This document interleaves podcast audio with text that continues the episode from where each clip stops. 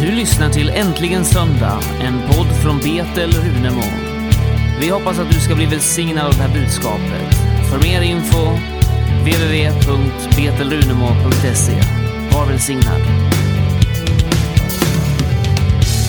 Det är en glädje för mig att få dela evangeliet den här tredje advent.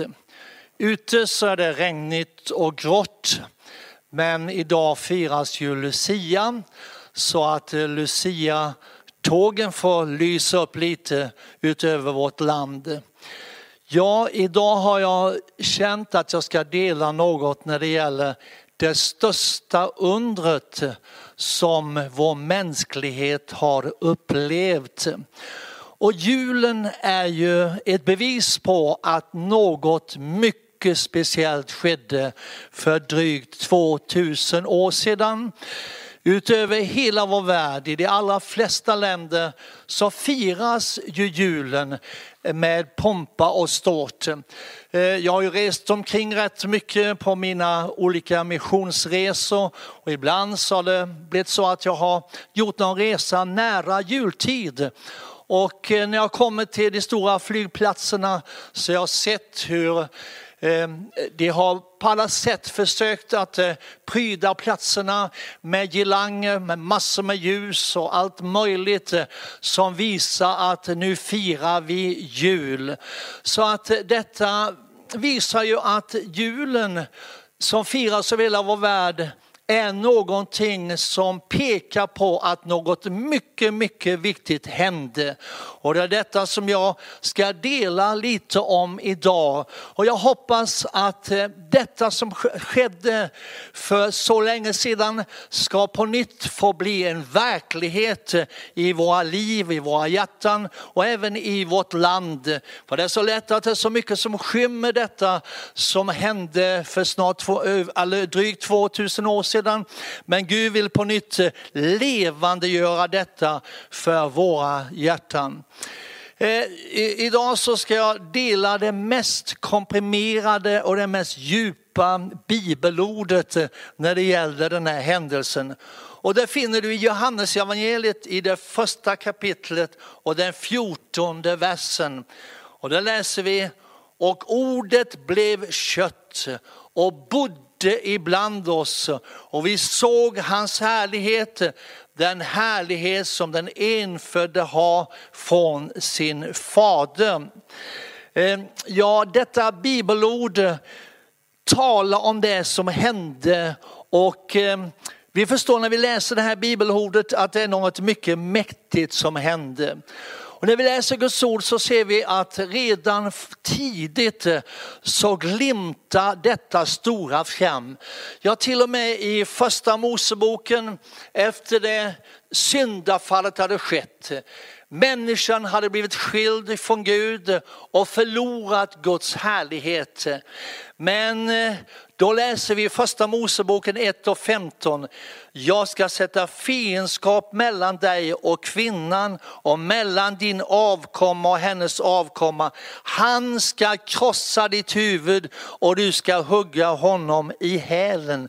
Ja, redan efter syndafallet eh, då Satan hade lyckats att bedra människan att vara olydig mot Gud och så kom den här stora tragedin i mänskligheten att människan blev skild ifrån Gud.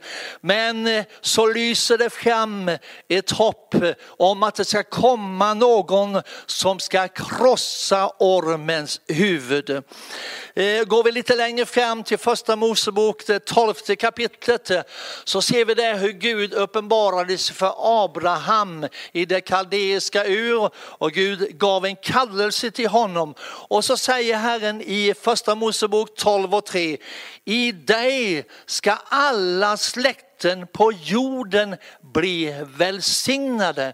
Så återigen lyser det fram att något skulle ske som på nytt gjorde att människan kunde bli välsignad. Människan hade genom syndafallet förlorat Guds välsignelse, Guds välbehag, Guds närvaro. Men det skulle hända något som gjorde att välsignelsen skulle återvända.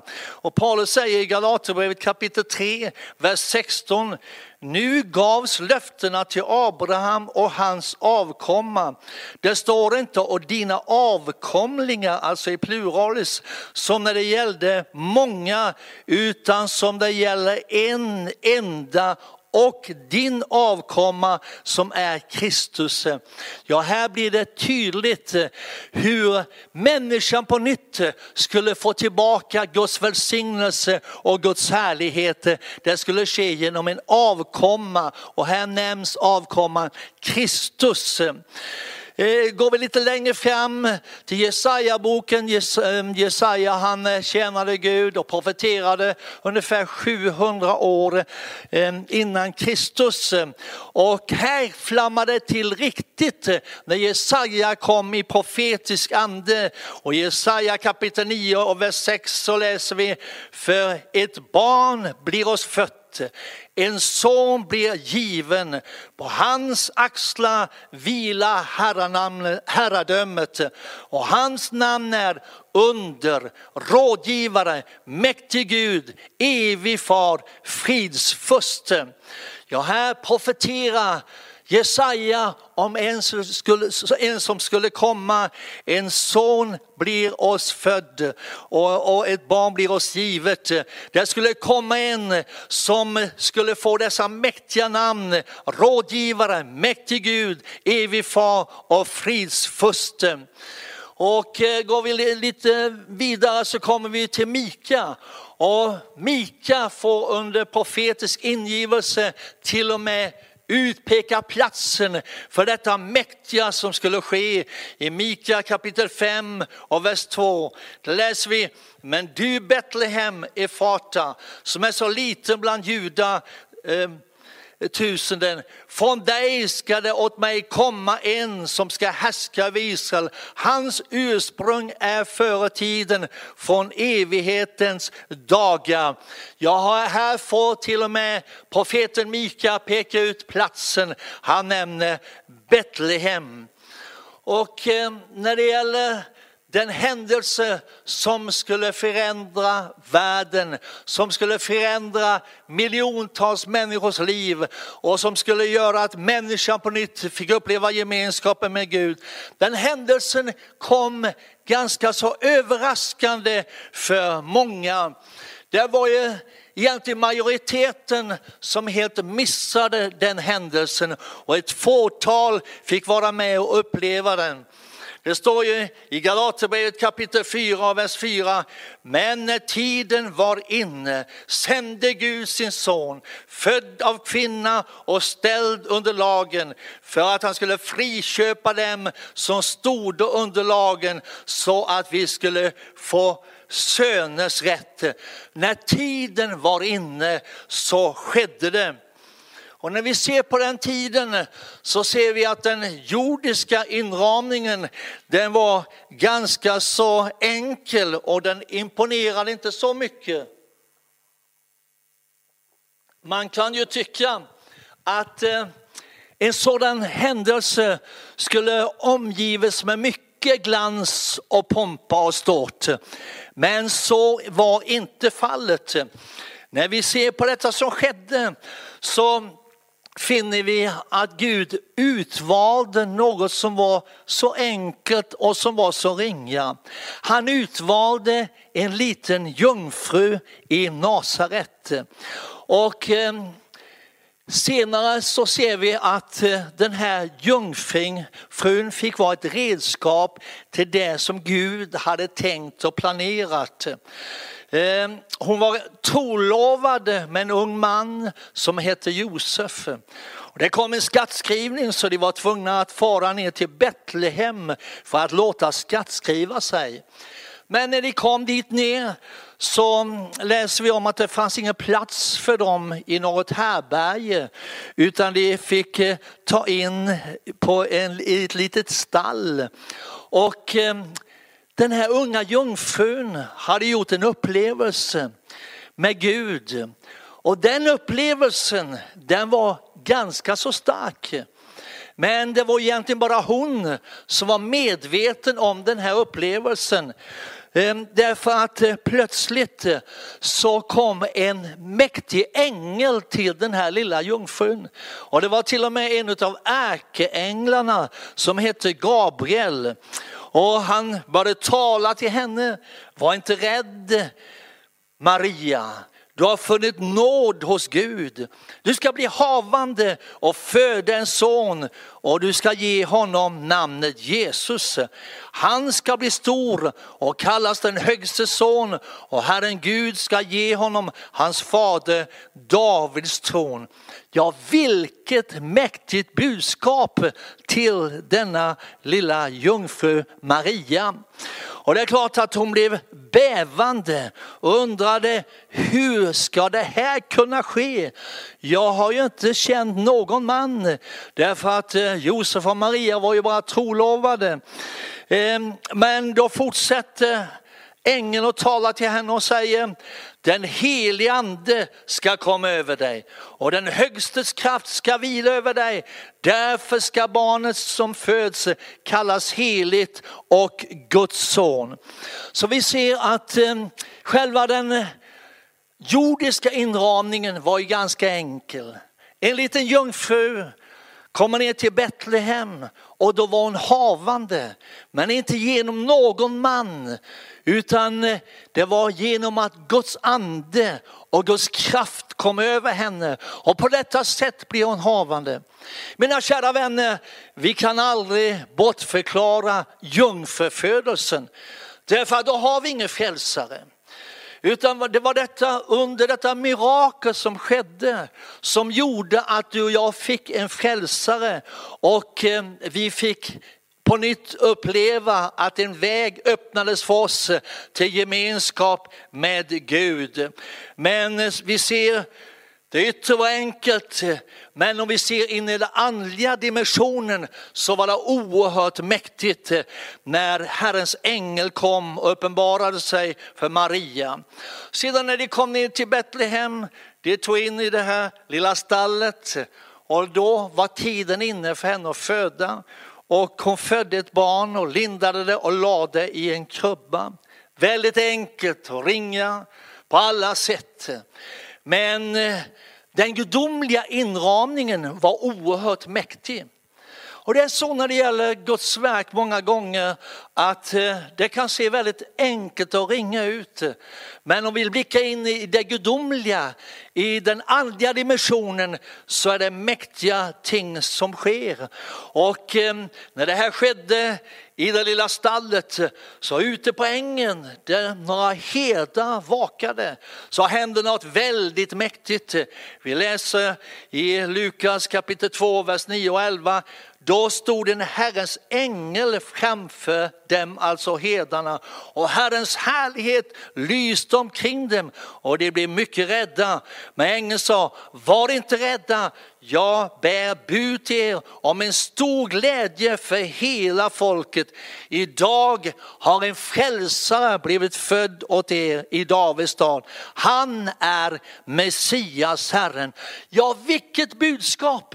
Alltså profeterna hade talat om att det skulle komma en, en frälsare, en Messias.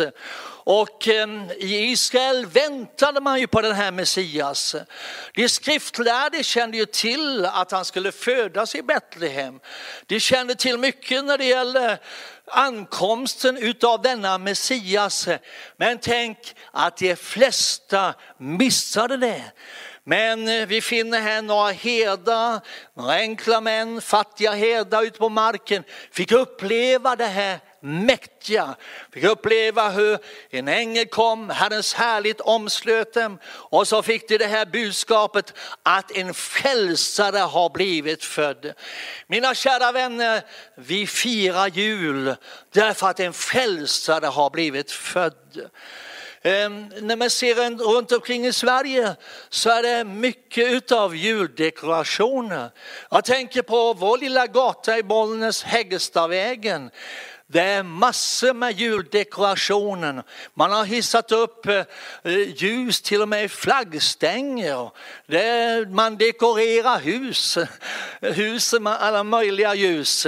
Så det är mycket utav ljus och julstämning.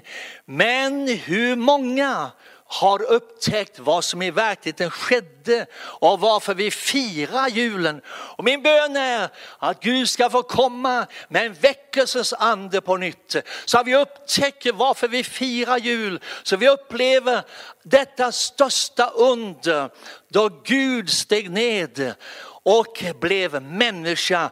Ordet blev kött och tog sin boning ibland oss. Detta är någonting så oerhört så att vår mänskliga hjärna, vårt mänskliga förstånd kan inte omfatta eller förstå vidden och bredden utav detta som hände när Gud kom och han lät ett barn födas och att detta lilla barn som föddes föddes som världens frälsare.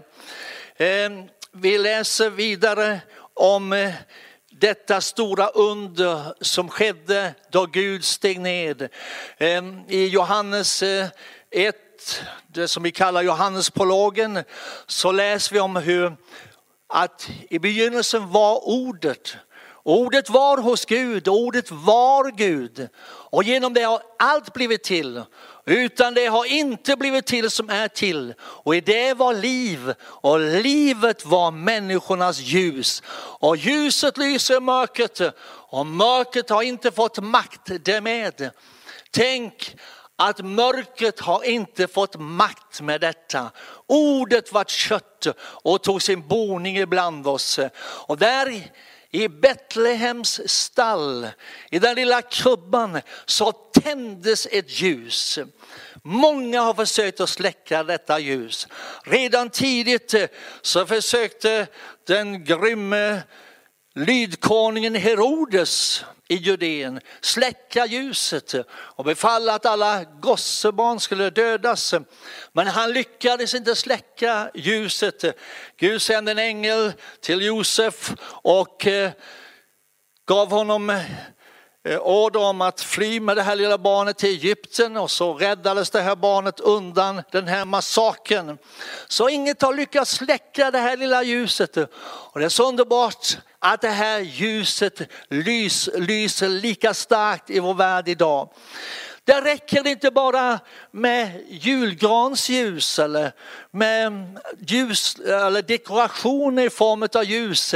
Det är så viktigt att vi får uppleva ljuset i våra, våra hjärtan. Och det är min bön inför den här julhelgen att vi ska få uppleva på nytt hur Guds ande ska komma starkt. Jag talade tidigare om att inramningen kan vara ganska enkel när Gud kommer. Och det ser vi när vi läser väckelsehistorien. När Jesus kom så skedde det i enkelhet. Och även när församlingen föddes så skedde det i all enkelhet. Det samlades på en sal som kallades över saden i Jerusalem. Jag har varit där vid något tillfälle, en ganska enkel sal. Jag vet inte om det är den rätta platsen, men jag kan ju föreställa mig att det var något liknande. En enkel sal. Och där var de samlade i bön. Därför att Jesus hade bjudit dem att gå dit och att bedja och vänta på löftet. Och där var de i bön på den övre salen och plötsligt så kommer den himmelska dimensionen in i form av en mäktig stormvind. Och det så eldsflammor över alla som var samlade där och de började tala i nya tungomål. Här bröt Guds rike in, Guds härlighet, den gudomliga närvaron bröt in i den här enkelheten. Och den här mäktiga upplevelsen på översalen ledde till att budskapet att en frälsare har blivit född klingade ut över hela romarriket. Efter den här upplevelsen då deras hjärtan sattes i brand och de fick uppleva den helige andes kraft så gick de ut och predikade evangelium i enlighet med Jesu befallning att gå ut i hela världen och predika evangelium för allt skapat. Och eh, så fick de vara med och evangelisera hela det väldiga romarriket. Men tänk, det började väl, väldigt enkelt. Och så har det skett gång på gång under väckelsehistorien att mänskligt sett har det sett väldigt enkelt ut? Och man har kunnat nästan förakta det. Jag tänker på olika väckelserörelser som har brutit fram, tänker på den stora väckelsen i Amerika i mitten på 1800-talet, the great awakening. Tänk vad enkelt det började. Det var en pensionerad affärsman som fick för sig att börja ett bönemöte i New York. Så han satte upp en liten skylt utanför en lokal att det är bön klockan 12. Och till första bönemötet kom det sex personer. Och man skulle kunna tänka sig att den här affärsmannen skulle resonera att det här är ju meningslöst. Det är ingen som är intresserad av att bedja. Här kommer bara sex personer. Men han fortsatte nästa dag och nästa dag och tänk skaran bara växte och växte och växte tills de fick börja hyra de största lokalerna, teaterlokaler i New York som fylldes med bedjare. Och detta utlöste en så mäktig andeutgjutelse som man räknar med att en miljon blev frälsta genom det här initiativet. Tänk, det har skett enkelt att ringa. Någon har tagit ett initiativ efter tilltal från Herren och så har det förlöst Guds mäktiga närvaro och kraft. Och vi kan ju gå vidare, vi kan ju titta på hur den klassiska pingsväckelsen bröt fram. Det skedde ju inte på något sådant här stort och märkligt sätt. Utan redskapet, det synliga redskapet var egentligen en svart man som var enögd och låghalt. Han hade fått möta Gud, han hade fått höra talas om den helige ande och fick en sån längtan efter Gud. Och ehm, senare så samlades man till, eh, eh, till bön på en plats som heter Benny Bros, Benny Bonnie Brass Street i, i Los Angeles. Och eh, där fick fler och fler uppleva den helige ande. Och så hyrde man, egentligen var det en vekeslada. Eh, det hade varit en kyrka tidigare men numera så bara lagrade man virke i den här lokalen. Och det var ju på Azusa Street. Och så samlades man där till bön och till möten. Och Guds ande började verka så oerhört mäktigt så folk strömmade till från alla håll och kanter i Amerika och kom även från andra länder. Och detta utlöste den mäktiga pingsväckelsen som spridde sig ut över hela världen. På samma sätt var det med en annan väckelserörelse i Wales i början på 1900-talet. Eh, det var några som hade nöd för situationen i Wales har de börjat bedja. Det var en evangelist som hette Seth Joshua som började bedja. Han höll på att bedja och söka Gud i fem år och han bara höll ut. Det var en annan, en domprost som hette Howell som skapade en bönekedja. Några kvinnor som sökte Gud och, och, och bad och en ung man som hette Evan Roberts som var en kolgruvarbetare hade också nöd och bad där nere i kolgruvan. Och eh, i ett möte så reste sig en liten flicka upp eh, som heter Florrie Evans och började vittna om hur mycket hon älskade Jesus. Och då föll Guds ande och eld i Wales. Och inom ett par månader så hade hundratusen blivit frälsta. Ja, så, så har det skett gång på gång att eh, Guds rike har kommit till enkelhet eh, mänskligt sett. Men gudomligt sett så har det blivit något mycket mäktigt. Och vi läser ju även, Jesus sa att, eh, att Guds rike är som ett senapskorn. Mycket enk, mycket litet. Man lägger senapskorn på, på ett blad så här och andas bara så bara flyger det iväg. Va? Det är så litet. Det är som ett litet senapskorn. Men eh, om det planteras och vattnas eh, så blir det som ett stort träd där fåglarna kan bygga sina nästen. Eh, Ehm, så Gud har kommit till enkelhet. Jag tänker på redskap Gud har använt eh, som mänskligt sett inte har varit mycket att räkna med. Tänker på en kvinna i mitten på 1800-talet eh, i Amerika som heter Maria Woodworth Etter.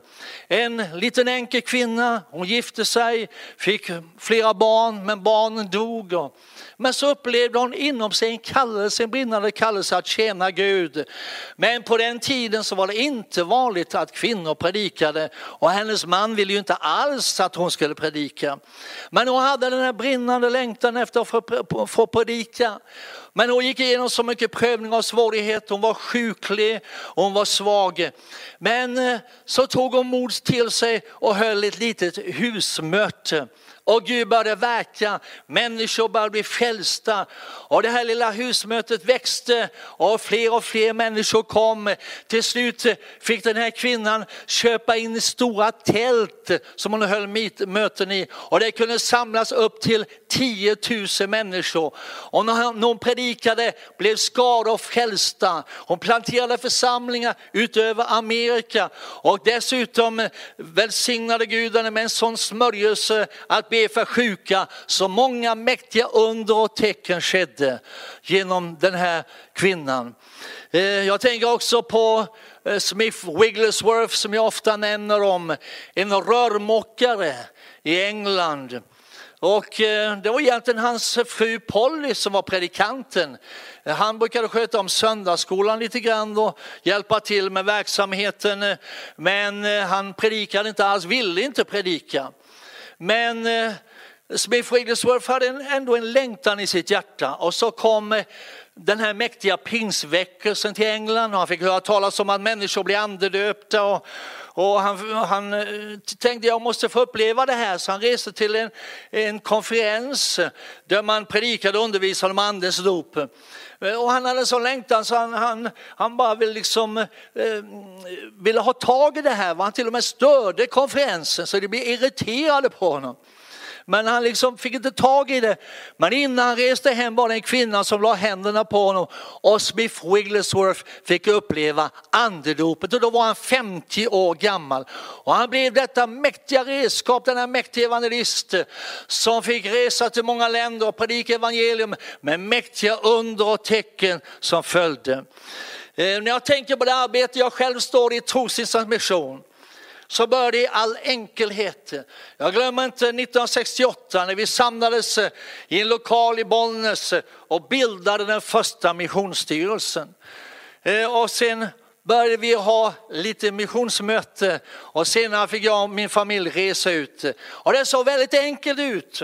Många kunde liksom tänka, vad ska det bli utav det här? Va? Men vi hade upplevt ett tilltal, en kallelse.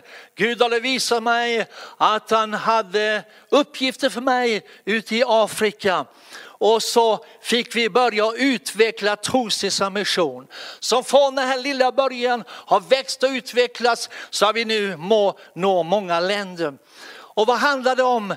Jo, det handlar om det som skedde när det här barnet föddes. Och då budskapet kom att eh, detta barn som har fötts här, det ska bli till frälsning för alla folk. Det finns ingen annan frälsning given. Det finns ingen annan frälsare, finns inget annat namn under himmelen givet än namnet Jesus. Det är bara genom honom vi kan få uppleva frälsning. Så därför kallar jag detta det största undret i mänsklighetens historia. Denna mäktiga inkarnation då ordet blev kött och tog sin boning ibland oss. Och vi såg hans härlighet, läste vi tidigare. Den härlighet som den enfödde har från sin fader. Och eh, den här härligheten som vi förlorade en gång på grund av syndafallet kan vi bara få tillbaka genom honom som föddes i ett stall, lades i en liten kubba, växte upp under enkla förhållanden hos snickarfamiljen Josef och eh, som eh, vid eh, 30 års ålder fick uppleva att Guds ande kom över honom och smorde honom till att börja predika Guds rike. Och nu har detta budskap som Jesus började och förkunna. Det budskap som han bjöd oss att förkunna har snart predikats nu i 2000 år. Och jag tror att vi börjar närma oss slutet. Men vad viktigt är att vi inte tappar modet, att vi inte ger upp. Nu upplever vi denna coronapandemi och det är många människor som känner det jobbigt även nu inför julen. Bara åtta får samlas och um, man tycker att uh, ja, det känns svårt att inte få komma till kyrkan, till församlingen och få mötas och fira det här. Men vi får göra det bästa av situationen. Och vi har ju fått den här möjligheten att predika över webben. Men ehm, det här budskapet eh, som Jesus gav oss att predika, evangeliet, eh, det ska nå till alla folk och alla stammar innan slutet kommer. Och jag tror att vi är med i den sista tiden. Och vad viktigt det är att vi låter ljuset brinna. Det ljuset som tändes i Betlehem en gång. Det ljuset som har fortsatt att lysa genom alla decennier. Låt det lysa klart eh, även i den här sista tiden. tiden. Låt ingenting släcka det här ljuset. Ehm, och eh, när det gäller vår tjänst, vår kallelse, så är det ju en vandring i tro. Därför att om vi ser på omständigheterna så kan det vara lätt till att ge upp. Men eh, vi som har upplevt verkligheten i våra hjärtan, vi känner att vi måste bara fortsätta och förkunna medan tid är. Ehm, och när jag tänker på detta starka med födelsen, hur Herrens ande kom över Maria, hon blev havande. Så även när det gäller oss så handlar det om en födelse, att bli född på nytt. Eh, vi läser vidare i Johannes eh, kapitel 1, vers 12 och 13. Men åt alla dem som tog emot honom gav han rätten att bli Guds barn. Åt dem som tror på hans namn. De är inte födda av blod eller av kötts vilja eller av någon mans vilja utan av Gud. Så på samma sätt som han föddes in i den här världen genom ett under, genom att Guds ande och Guds kraft kom över Maria. På samma sätt har du och jag fått uppleva denna födelse. Det kan bara ske genom Guds ande. Det kan inte ske på något mänskligt sätt. Nikodemus kom ju till Jesus och undrade över den här, det här. Och Jesus sa till Nikodemus att en människa måste bli född på nytt, måste bli född utav vatten och ande. Och det är på så sätt vi kommer in i Guds rike och det är på så sätt vi kommer in i tjänst och det är på så sätt vi förstår vikten av detta under som skedde en gång. Och eh, det som är fött av Gud, det är bestående. Och det som är fött av Gud, det övervinner, som det står i första Johannes kapitel 5 och 4. För allt som är fött av Gud övervinner världen. Så idag, den här tredje advent, så vill jag förmedla till dig detta mäktiga som skedde en gång. Detta stora under som skedde då Gud blev människa, denna mäktiga gudomliga inkarnation. Då Gud steg ned i mänsklig gestalt och manifesterade sin härlighet genom honom. Eh, och nu i den här tiden så har du och jag blivit i redskap och det kärl som genom den nya födelsen kan vara med och förmedla Guds närvaro, Guds härlighet och vara med och förmedla evangeliet. Och vi ska bedja här i slutet att Gud får möta med dig, att Herren får uppenbara sig för dig, att Herrens ande och kraft får vidröra dig, att du får uppleva frälsning om inte du är frälst, att du får uppleva befrielse om du är bunden, att du får uppleva helande om du är sjuk. Därför att denne Jesus som föddes i ett stall, denne Jesus som gick omkring, gjorde gott och botade alla som var under djävulens våld. Denne Jesus som uppstod igen ifrån de döda och som senare uppfor till himlen, som idag sitter på Guds högra sida. Han är vår frälsare, han är vår topp. Halleluja Halleluja. Vi ska bedja att Herren får möta med dig som sitter och lyssnar till den här sändningen. Att Herren får vidra dig, att Guds kraft får vidra dig, att du får uppleva honom på nytt i ditt liv. Att han blir den här strålande, klara morgonstjärnan som får lysa vägen för dig så att du når fram till det himmelska målet. Låt oss bedja. Fader Jesu namn, vi vill tacka dig och prisa dig för att du i din stora nåd och barmhärtighet och kärlek sände din son Jesus Kristus. Vi tackar dig för att Jesus kom till den här världen för att öppna vägen så att vi kunde komma tillbaka till gemenskapen med dig. Tackar dig Fader för att vi nu får leva i gemenskap genom Jesus Kristus. Och nu ber jag Fader Jesu namn för var och en som lyssnar till det här programmet. Jag ber att du ska möta med människor som kanske har det mörkt och svårt och går igenom bekymmer och, och prövningar. Tack att du möter med dem Jesus. Tack att du rör vid var och en Jesus. Ber också för de som är sjuka och lidande att din gudomliga kraft ska vidröra dem. Tack att du är nära var och en Jesus. Tack att dina sårmärkta händer är uträckta än idag. Vi lovar dig och prisar dig Fader Jesu för att du bara välsignar och möter. Och att du ska fortsätta välsigna den här julhelgen. Vi ber att ditt ljus ska lysa klart i våra hjärtan. Tack Fader att du vill vara med och använda och bruka oss till att förmedla detta underbara budskap att en frälsare har blivit född. Fader vi prisar dig och lovar dig i Jesu namn. Amen.